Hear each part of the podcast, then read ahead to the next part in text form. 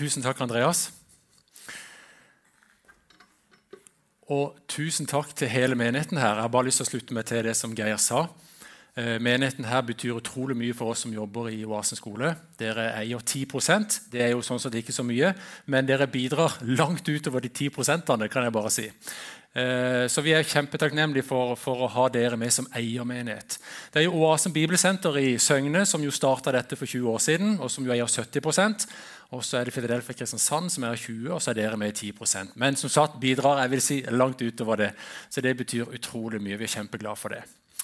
Jeg bare To ord om meg sjøl. Jeg heter altså da Øyvind. Jeg bor ute på Holte. Jeg er gitt med Kristin, som sitter her. Vi har tre barn mellom 16 og 20 år og eh, har det veldig bra på, på, på mange områder. Jeg har vært så heldig å ha, kjent Øyvind Augland i ca. 25 år. Så han kan jeg si betyr utrolig mye for meg, og gjør det den dag i dag. Kjipt at han ikke er her i dag, han er jo i USA, så, men han kommer igjen. Men 11. mars kan jeg fortelle dere, dere. Så, så jeg kjenner han godt og vet stort sett hvor han er hen i verden. Av og til, i hvert fall. Eh, Mari har jeg fått lov til å bli, kjenne siden 2018. Da ble jeg styreleder på Asen skole Birkeli, og da begynte jo du Mari, som eh, rektor. Nå hadde jo du jobba der lenge og er erfaren, men vi har, har, på en måte vært i ledelse sammen eh, siden 2018. Kjempegøy å få lov til å bli kjent med Geir når du begynte på Strømme for tre år siden. som du vel nevnte. Så det er utrolig bra. Stian, som jo også er pastor her, og blir godt kjent med han, Håvard Haugland. Så vi, jeg kjenner meg veldig hjemme her, det må jeg bare si. Og det er utrolig godt å være her sammen med dere. Tittelen på det som jeg skal si litt om i dag, det heter da 'Utruste til å fremme Guds fred'. Og Den tittelen sier kanskje ikke så veldig mye nå for dere, men jeg håper den betyr mer for dere når jeg er ferdig med å tale. Det er i hvert fall det som er mitt håp. Nå gjør vi en test om den virker, og det gjorde han. Veldig bra. Dere, vi bor i en utrolig altså Tida vi lever i, er veldig usikker. Og Jeg trenger ikke å informere dere om ting vi har vært igjennom og ting vi står i akkurat nå, men det er ingen tvil om at verden er usikker, og det er krevende og for mange, veldig, veldig, veldig mange mennesker å bo på den jorda som vi bor i. Så må vi jo samtidig si at vi som bor i Norge, vi er jo da sammenligna med det store deler av de som bor i verden, vi er jo ekstremt heldige. Ekstremt heldige. Norge er et helt fantastisk land å bo i. Og vi er utrolig velsigna som, som, som, er født og, og, og, bor her, alle vi som har det på den måten. Det er jo sånn at I år 2000 så ble Norge kåra til verdens beste land å bo i. Da gikk vi altså til topps på alle FN sine rankinger. Og Siden år 2000 så har vi stort sett vært på toppen av alle statistikker og alle rankinger. Her får vi lov til å bo. Det må jeg bare si jeg er utrolig ydmyk for. Norge har jo også veldig lenge vært regna som et kristent land. Og Mange vil jo kanskje nettopp løfte fram at det at vi har vært et sånn tydelig kristent land som er bygd på kristne verdier, kanskje er en del av årsaken til at vi er så velsigna. Andre vil kanskje igjen hevde at det har ingenting med det å gjøre. Det er olje i Nordsjøen som er den reelle kilden til all den velsignelsen vi som står i. Og så er det, For det kommer jo alle pengene fra. Kanskje det er litt av begge deler. Uansett så er vi veldig velsigna. Samtidig dere, så ser vi nå at samfunnet vårt i større og større grad velger bort disse kristne verdiene i rekordfart på nesten alle deler av samfunnet som vi lever, av, lever i. Og Bare de siste årene så har dette eskalert veldig. Det er jo en trend som har vart lenge, men det har eskalert virkelig.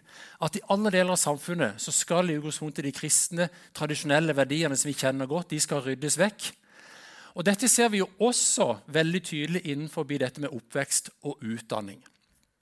Altså barnehage og skole. Der merker vi det også veldig tydelig. Jeg har med et bilde fra en skoleklasse på 50-tallet. Mine foreldre de gikk på skole på 50-tallet. Da var det sånn at skolen hadde en lovpålagt oppgave å gi dåpsopplæring til alle norske barn på vegne av Den norske kirke. Tenk dere det. Det var lovpålagt å gi dåpsopplæring på vegne av Den norske kirke. Og Kristendommen gjennomsyra jo skolen, og, og, det var bønn og det var Fader vår, og, og, det var rett og slett dåpsopplæring på vegne av Den norske kirke. Jeg har et bilde fra min første skoledag. Kjekk, ung kar. Eh, da, jeg, jeg, jeg, jeg, klarer ikke helt å ta igjen hvilket årstall dette her kan ha vært, men vi er i hvert fall nokså tidlig på 80-tallet. Jeg husker jo sjøl når jeg gikk på skole, at liksom vi starta da med Fader vår, og hvor det var liksom velsignelsen på slutten, og hvor det var salmesang. Og, og det var masse, masse fokus på, på kristen tro og, og, kristendom der jeg gikk på skole.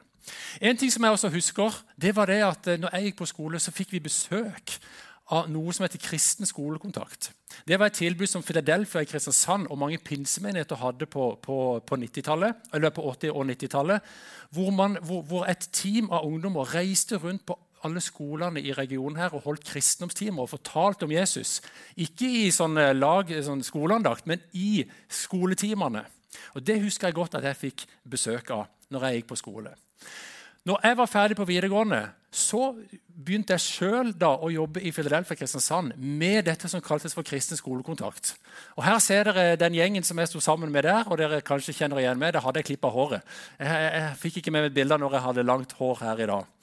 Men i hvert fall, det som jeg da var med på, det var det at vi reiste rundt, og jeg tror vi besøkte samtlige skoler i Kristiansand kommune. Søgne, Sogndalen, og Vi var inne og hadde kristendomstimer, og vi fortalte frimodig om Jesus, hva han betydde for oss, og informerte om hva evangeliet betydde. og Vi kunne fortelle, og det var utrolig, utrolig bra. Det var gjerne kristne lærere som benytta seg av det tilbudet vi hadde. og Så ringte de til oss og hørte da kan dere komme og ha en av mine kristendomstimer. For det er ikke alle, alle lærere som syntes det kanskje var like lett å være frimodige også på, på, på disse tingene, men de kunne bruke oss. Og Så kom vi inn og fortalte tydelig evangeliet og, og delte dette i klassen, timene, på alle skolene i regionen. her. Det var utrolig bra. Dette er altså ca. 25 år siden. og Per i dag så ville det vært utenkelig å se for seg at det hadde vært mulig. Så dette er allerede en svunnen tid. Men det er ikke lenger enn at enn, enn når jeg begynte i og var ferdig på skole, så var dette noe som, som vi kunne gjøre. Så det har skjedd ekstremt mye de siste 20 årene innenfor eh, skole og oppvekst. Så må jeg være tydelig på at Dette handler ikke om at jeg nå skal snakke ned den offentlige skolen i Norge, men dette er jo en samfunnstrend. bare så dere forstår det. Hvis du er her og jobber i den offentlige skole, så sier jeg amen. Du er på riktig sted og står på. Du er et lys for, for, Jesus der du er. Så jeg har ikke tenkt å snakke ned det verken det du gjør, eller offentlig skolegang. Men det er samfunnstrenden som er poenget mitt her. I fjor høst så kom UDIR, altså Utdanningsdirektoratet med en viktig presisering. for Det ble stilt spørsmål fra, fra Human-Etisk Forbund i forhold til at man faktisk tillot å ha skolegudstjenester. Så Da spilte eh, Human-Etisk Forbund til spørsmålet er det, er det sånn at det er lov med forkynnelse i, i, i norsk skole. Og Da måtte UDIR gå gjennom dette enda en gang til. Og Guri Melby kom da ut med en tydelig presisering til alle at det forkynnelsesforbudet i norsk skole det gjelder. og det, veldig, det, var de veldig tydelige på. Så dette er et begrep. Det er ikke mest som kaller det forkynnelsesforbudet. Det offentlige kaller det for forkynnelsesforbudet. Og, og, og Guri Melby presiserte det tydelig i fjor høst. En annen sak som vi hadde innenfor skoleverket i fjor høst, det var det at denne praksisen som Gideon, som jo har delt ut bibler i norsk skole i 200 år ca. Nå er det slutt. Og Det var UDIR som gikk inn i fjor og sa fordi vi har dette forkynnelsesforbudet, så vil jo naturlig konsekvens være at vi selvfølgelig også forbyr utdeling av bibler i norsk skole. Så Dette er bare noen veldig veldig få eksempler på hvordan det har gått fra å være egentlig en, en skole som ble starta for at vi skulle formidle det kristne budskapet, til at vi nå har en skole som forbyr effektivt all forkynnelse av kristen tro i, skole, eh, i skoletida. Men så er det jo ikke bare sånn at det, på en måte det, det kristne skal bort, og så skal det være nøytralt. Men det er jo helt andre ting som er på full fart inn. Vi har jo en liten interesseorganisasjon i Norge eh, som heter Foreningen FRI. De har 3000 medlemmer. De offentlige betaler jo denne organisasjonen for å nå kurse alle norske lærere i det som kalles for rosa kompetanse.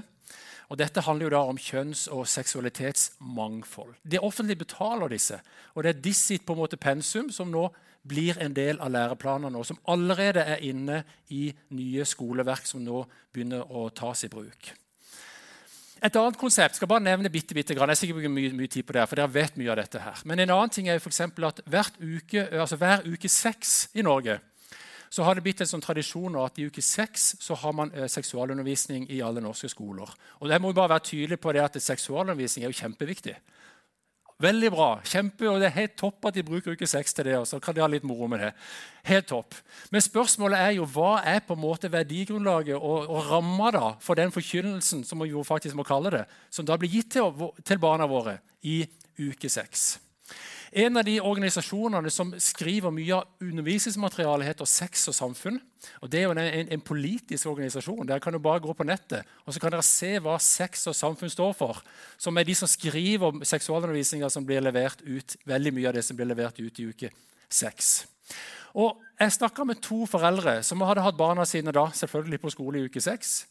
Og Det ene foreldren fikk barna sine hjem og hvor barna hadde fått høre at pornografi det kunne være positivt, og det er noe som er naturlig, og det må gjerne utforskes.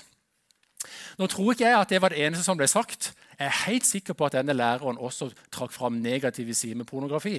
Men det som barna hadde fått inntrykk av, det var at dette var noe naturlig, og det var noe som måtte gjerne testes ut og utforskes. En annen mor fikk barna hjem etter uke seks nå i år. Det er bare noen få uker siden dette her. Og Da hadde de bl.a. fått høre at uh, jente og jente kan være kjæreste, gutter og gutter kan være kjæreste, men så kan også gutt og jente være kjæreste. Men det var det siste de fikk høre. Ja, men så skjønner dere?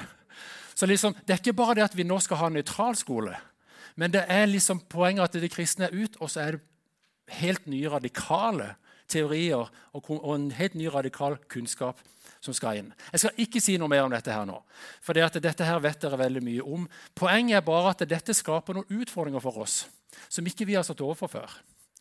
Og så er det jo en ting med oss som er voksne, som på en måte har en forankra tro og har lest Bibelen og vet hva Gud tenker. Men barna våre og Noen kommer jo fra gode, bevisste kristne hjem, sånn som kanskje deres. Men tenk på alle de andre barna som ikke har noe motvekt mot dette. her. Da vokser man jo opp på en måte som ja, vi ikke egentlig vet hvordan dette her vil føre hen. Og så merker vi også at Motstanden mot klassiske kristne verdier den blir større og større i samfunnet vårt i dag. Og Dette er det vi nå skal vokse opp i, og barna våre skal vokse opp i, og vi skal navigere, i, vi skal navigere dette. Og Da er altså spørsmålet hvordan møter vi denne utfordringa som foreldre, og så møter vi som menighet, og så møter vi dette som deltakere i vårt samfunn i 2022. Så dette er spennende. dere. Og Nå, nå er ikke meninga å ha noe veldig alvorlig tale. og det, Nå er det bare fare på ferde. Det er jo også muligheter her, dere. Og det er mulighetene jeg egentlig har lyst til å, å løfte fram for dere her i dag. En person som vi ofte trekker fram når vi snakker om dette her med trosopplæring, og når vi skal oppmuntre barna våre til å følge Jesus, så snakker vi om Daniel. Daniel, som vi har hørt om var i løvehula, og som tjente kong Nebukadnessar. Han blir ofte løfta fram som et forbilde for oss, forbilde for barn og unge. Og Et sånt slagord som jo blir sagt om Daniel, det er liksom at eh, han sto fast på sin tro. og det, det skal, Derfor skal vi gjøre det samme. Og Vi sier til barna våre 'våg å stå som Daniel', og det er jo en sang osv. Vi har løfter fram dette med at vi skal også stå som Daniel. Det som jo er interessant her, det er hva var det som gjorde at Daniel kunne stå som han gjorde? Hva var egentlig bakteppet for hans sitt liv?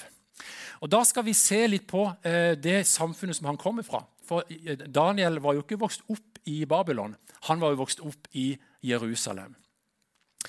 Israel var jo Guds utvalgte folk. Og han sa at dere skal være hellige fordi at jeg er hellig. Og Det at Israel var et hellig folk, det betydde at de måtte rett og slett derfor leve atskilt på en måte, fra folkene rundt sånn at det ikke Guds bud og Guds hensikter på en måte skulle bli vanna ut. Så De måtte ha en viss avstand til andre religioner og andre måter å leve på for at Guds bud og Guds hensikter skulle komme tydelig fram gjennom det jødiske folket. Israel de var på høyden når kong Salomo var konge. Og Da er vi ca. 900 år før Kristus. Det er det eneste årtallet jeg skal si. 900 år før Kristus. Og Dette er ca. 3000 år siden. Men Salomo han klarte ikke å håndtere den rikdommen og den makta og, ikke minst alle konene som han hadde. Så på slutten av sitt liv så vendte han seg bort fra Gud. Og Dette genererte egentlig at eh, en borgerkrig etter hvert, og, og Israel ble delt i to.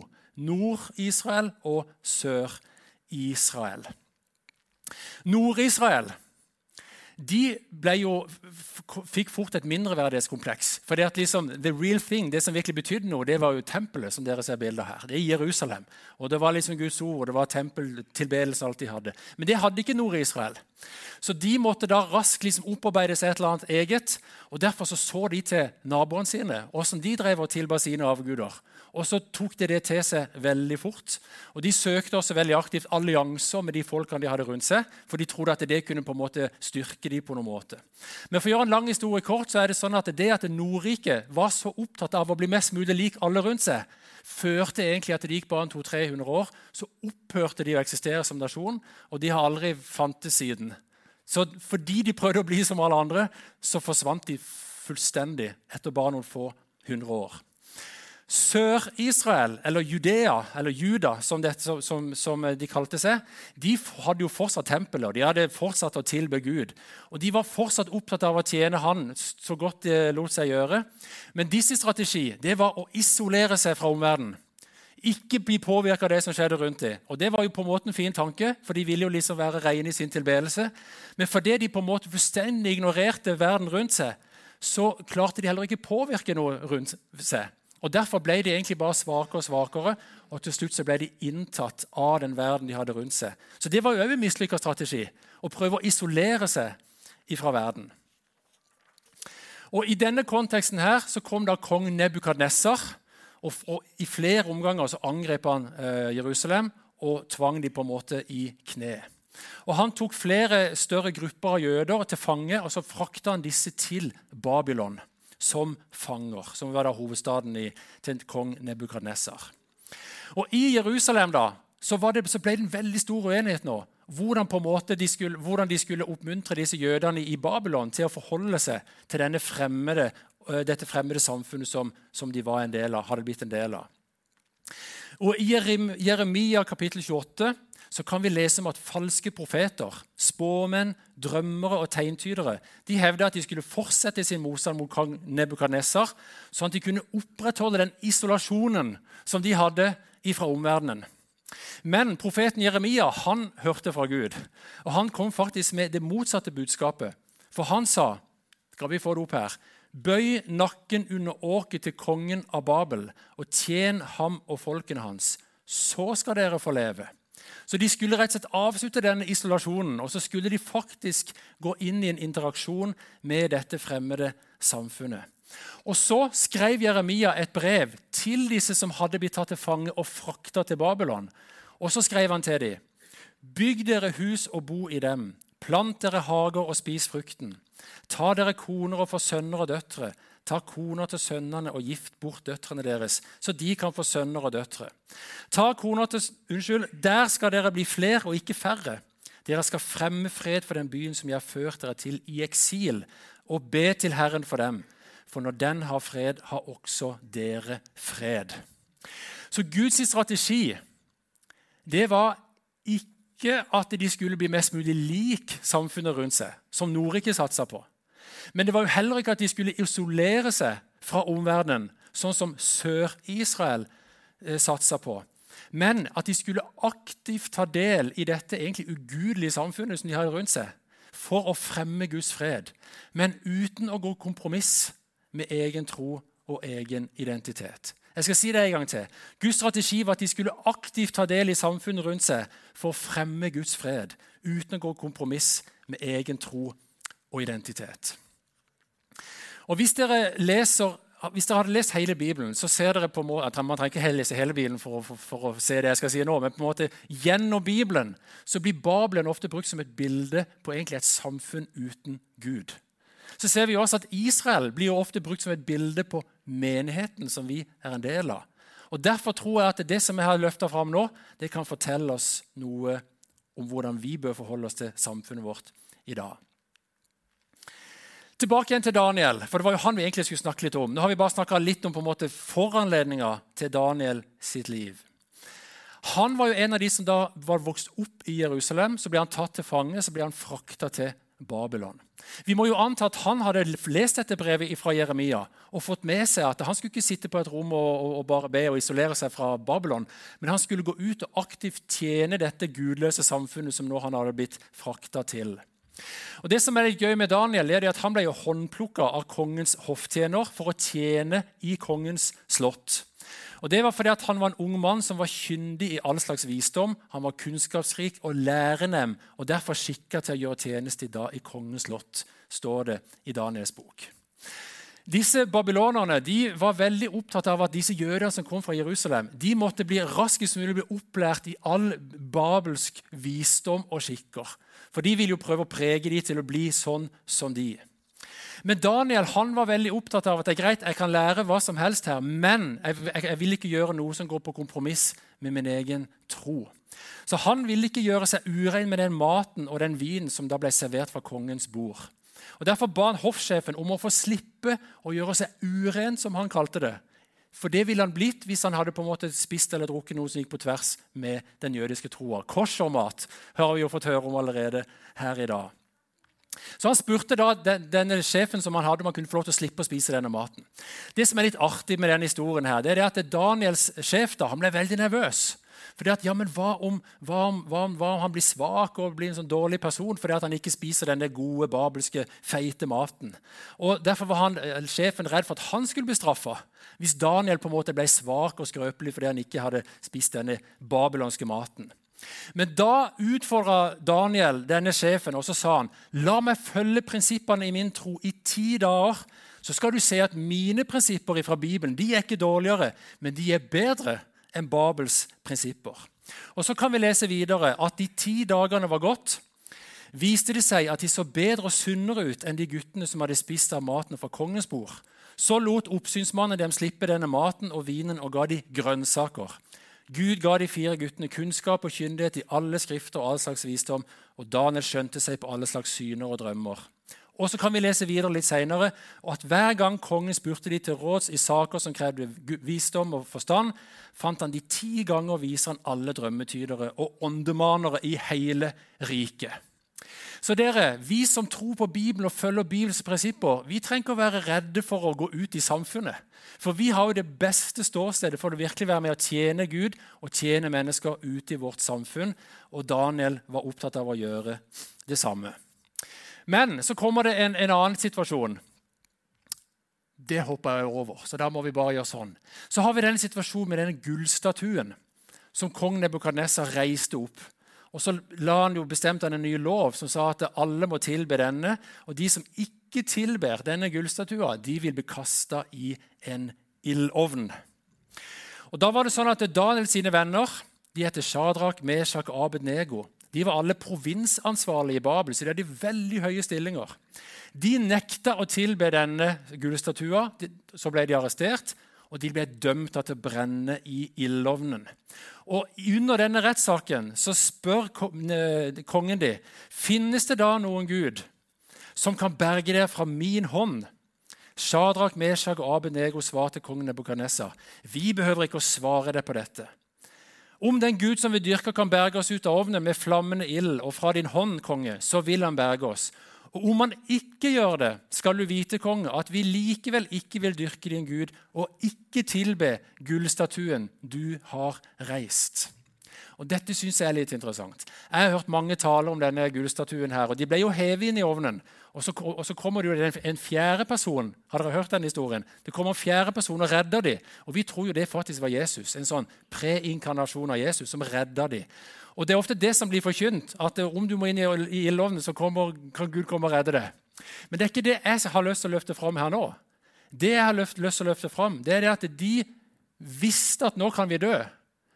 Men de sa at om vi ikke Gud redder oss, så vil vi allikevel ikke tilbe denne gullstatua. Så de var forberedt på å gå i døden. Så er det jo en flott historie at de ble redda. Men de var forberedt på å gå i døden. Og mitt poeng er at hvis du har det på den måten der, da er du trygg på din egen tro. Da er du grunnfesta i hva du tror på og hva du står på. Hvis du er villig til å gå i døden uten å vite om du kommer til å bli redda. Så Daniel og disse vennene hans som kom, kom fra Jerusalem, de tjente det babylonske samfunnet resten av sine liv.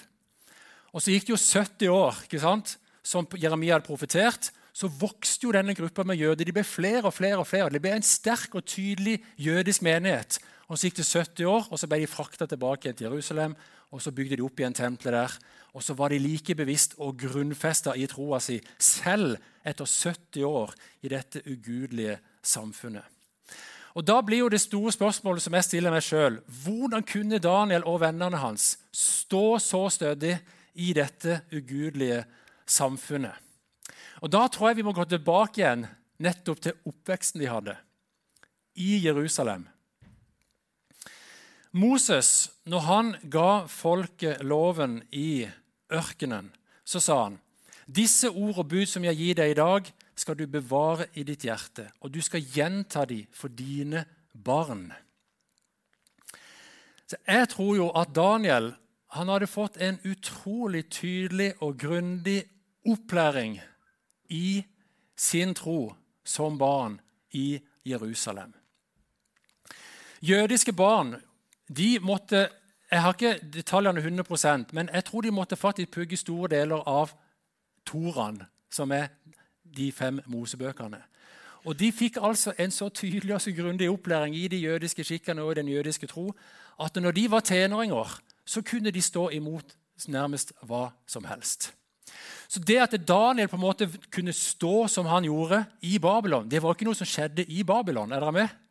Men vi får høre liksom, våg å stå som Daniel. Du må bare stå som Daniel. Men hva gjorde at de kunne stå? Jo, det var jo det de hadde blitt opplært og oppfostra i mens de bodde i Jerusalem, og når de vokste opp der. Så det å våge å stå som Daniel, det er jo ikke noe som kommer ut av ingenting. Det bare skjer ikke plutselig når vi blir kasta ut i samfunnet vårt. Men det er et resultat av grundig og ordentlig og positiv opplæring i vår kristne tro, og at vi lærer barna våre å bli godt kjent med Jesus og lærer dem å stå i dette her som barn. I 2018 så ble jeg styreleder i alle oaseskolene. og Da ble jeg kjent med to av de som var elevrådsledere på to av skolene våre. For de satt også i skolestyrene. Så Johannes, som dere ser på høyre side her, han var eh, elevrådsleder i Oaseskole Mandal. Han gikk først på Oaseskole Birkeli fra første klasse. og Så begynte han på Oaseskole Mandal når den ble starta. Og så har dere Joel på, på venstre side. Han, han, hadde, han, begynte i første klasse på Oasen skole Birkeli og gikk ti år der og var da leder i elevrådet. og Jeg traff han i styret. Når disse gikk ut av Oasen skole, så er det litt artig. For det at han Johannes han er aktiv politisk, og han ble valgt Året at han gikk ut av 10. trinn, så ble han valgt til fylkesordfører i Ungdommens fylkesting i Agder. Mens Joel han ble valgt til ordfører i Ungdommens kommunestyre her i Kristiansand kommune. Så begge de hadde disse toppvervene rett etter de gikk ut av ti år på Oasen skole. Og Hvis en ser litt på eh, Facebook-sida til han Joel, så ser en at det året han var ordfører, så var han rundt og talte på konferanser med Erna Solberg, og han ble, politikerne de kappa bare om å tagge han og ha han med. For dette er en sånn en utrolig flott type. Jeg hadde en prat med Joel for noen måneder siden. Eh, og Noen få minutter av den praten har jeg lyst til å vise til dere. Nå har jeg først snakka med ham om hvordan det var å være ordfører. Og så Det skal, har vi ikke tid til å se på i dag, men nå skal vi bare få høre litt hva han hadde å si om hvordan det var å gå på Oasen skole. Vær så god. Du, så har jo du også da gått ti år på, på, på, en kristen skole. og Det var da jeg ble kjent med det. Hva, hva, hva har det betydd for deg, det, den skolegangen du hadde der? Eh, når jeg sier at jeg, jeg har gått på Oasen helt siden første klasse, da blir jeg litt stolt. Fordi jeg ser, ser i ettertid både av å ha gått på videregående skole og møtt på andre elever, altså offentlig skole, da, hørt om åssen eh, de har hatt det, og, og, egentlig sett på skoler også fra et sånn samfunnsperspektiv der eh, også sånn litt sånn politisk da, at Oasen skole har vært det beste for meg. Det er noe av det beste som har skjedd meg, det å kunne gå på Oasen skole. En skole der der jeg kommer på skolen for å lære, eh, og mye har jeg lært også. Jeg gjorde det ganske bra også.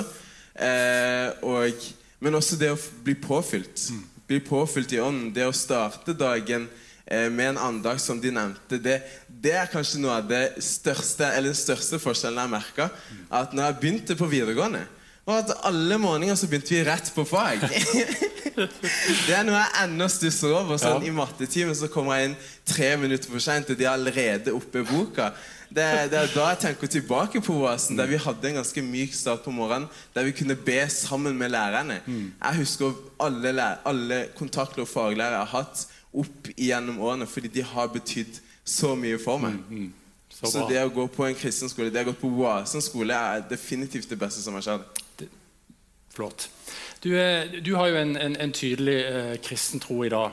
Eh, hvordan, hva vil du se den betyr for deg i livet ditt nå? Eh, troa for meg, det, det er livet mitt.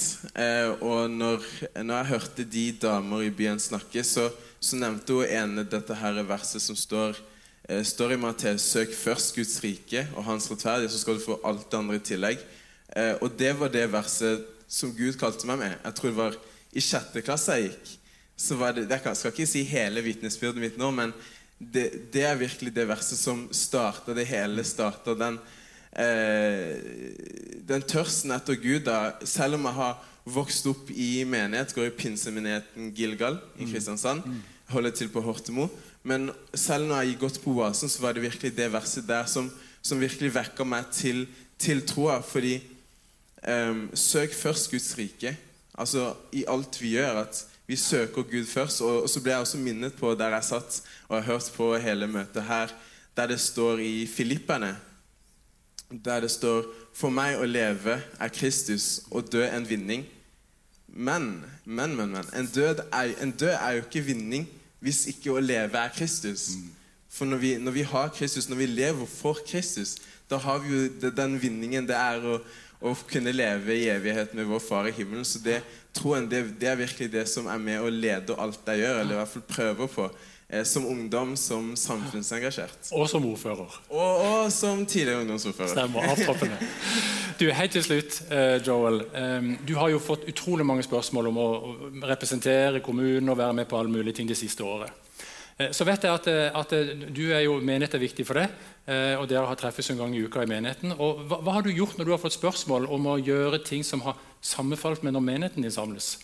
Eh, ja, fordi eh, samfunnet de tar jo ikke pause i helga, eh, som vi som kristne eh, gjør. det. Altså når, når jeg får forespørsler, om jeg kan komme eller komme og snakke på en ting, til og, med, til og med muligheten til å reise til Danmark for sånne store møter som skjer der, så har jeg takka nei. For det handler jo for, for, Fordi for meg så det å kunne bruke tid i Guds hus, bruke tid ehm, ja, i Guds hus og høre Guds ord, det verdsetter jeg så mye mer. Og man kan kanskje tenke nei, men det er jo bare én helg. ikke sant? Det skal jo kunne være greit. Men det handler om hvor, hva man prioriterer. Det handler om hva man setter først. Og det er at Man skal sette Guds rike først. Så får jeg alt det andre i tillegg. Og det har jeg sett. Jeg har sett Gud virke også når det kommer til eh, bibelgruppe, som ikke er i helga, men som er en torsdag kveld. Da. At jeg, jeg, jeg vil ikke at ting skal krasje med det, fordi jeg verdsetter den tiden så mye mer. Joel. Takk, takk. Det var den. Jeg hadde bare lyst til at dere skulle få møte denne mannen. Og Det er klart, hvis en tenker det å våge å stå som Daniel For jeg snakker om at det, er, det tror jeg det Gud kaller oss til, det er jo aktiv deltakelse i samfunnet vårt. Ikke sant? Ikke utvandring, men heller ikke isolasjon. Vi skal ut i samfunnet, men uten å gå, på kompromiss med vår egen tro og identitet. Så vil jeg bare si at den karen her er et fantastisk eksempel på det. Han altså, har vært ordfører og er ut, så engasjert i samfunnet. Men hvis han får spurt om noen kommer på søndag, eller når han har bibelgruppe, da sier jeg konsekvent nei. ikke sant?